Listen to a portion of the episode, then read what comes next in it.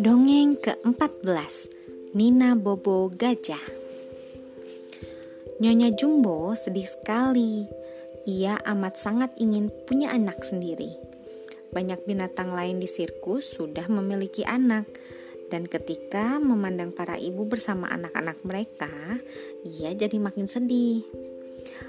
Lalu suatu hari, burung bangau mengantarkan bagi gajah untuk Nyonya Jumbo. Gajah mungil itu makhluk paling cantik yang pernah dilihat Nyonya Jumbo. Dan ia pun menjadi binatang paling bahagia di sirkus. Tetapi kemudian terjadilah peristiwa ini. Bayinya bersin, menyebabkan lipatan telinganya terbuka. Telinganya luar biasa lep besar dan gajah-gajah lain menertawakannya dengan cara yang sama sekali tidak sopan. Rasanya dia tidak cocok dinyamai Jumbo Junior. Salah satu gajah berkomentar pedas.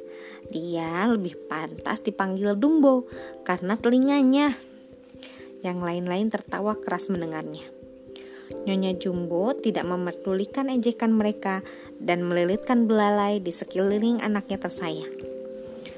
Hari demi hari berlalu. Nyonya Jumbo makin sayang pada anaknya. Ia bermain petak umpet dengannya, pura-pura terkejut waktu si anak bersembunyi di balik kakinya.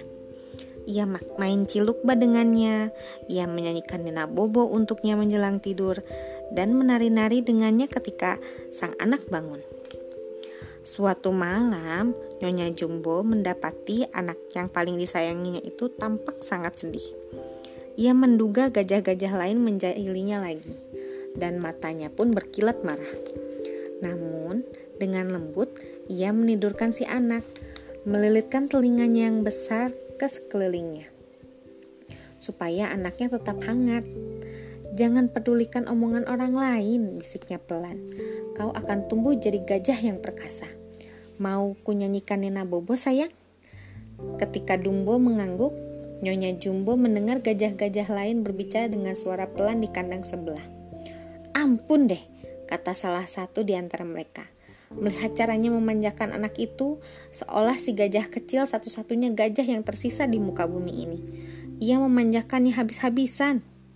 Namun, Nyonya Jumbo, Nyonya Jumbo tidak mempedulikan bisikan mereka dan mulai bernyanyi. anakku sayang, Jangan menangis, Mama akan menyanyikan lagu manis.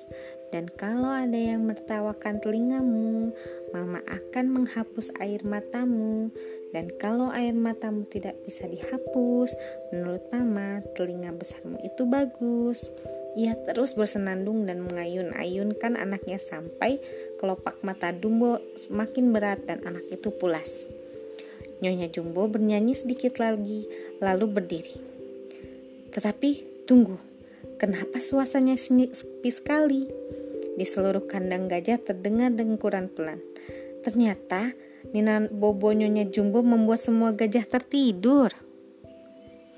Sekian. Terima kasih telah mendengarkan.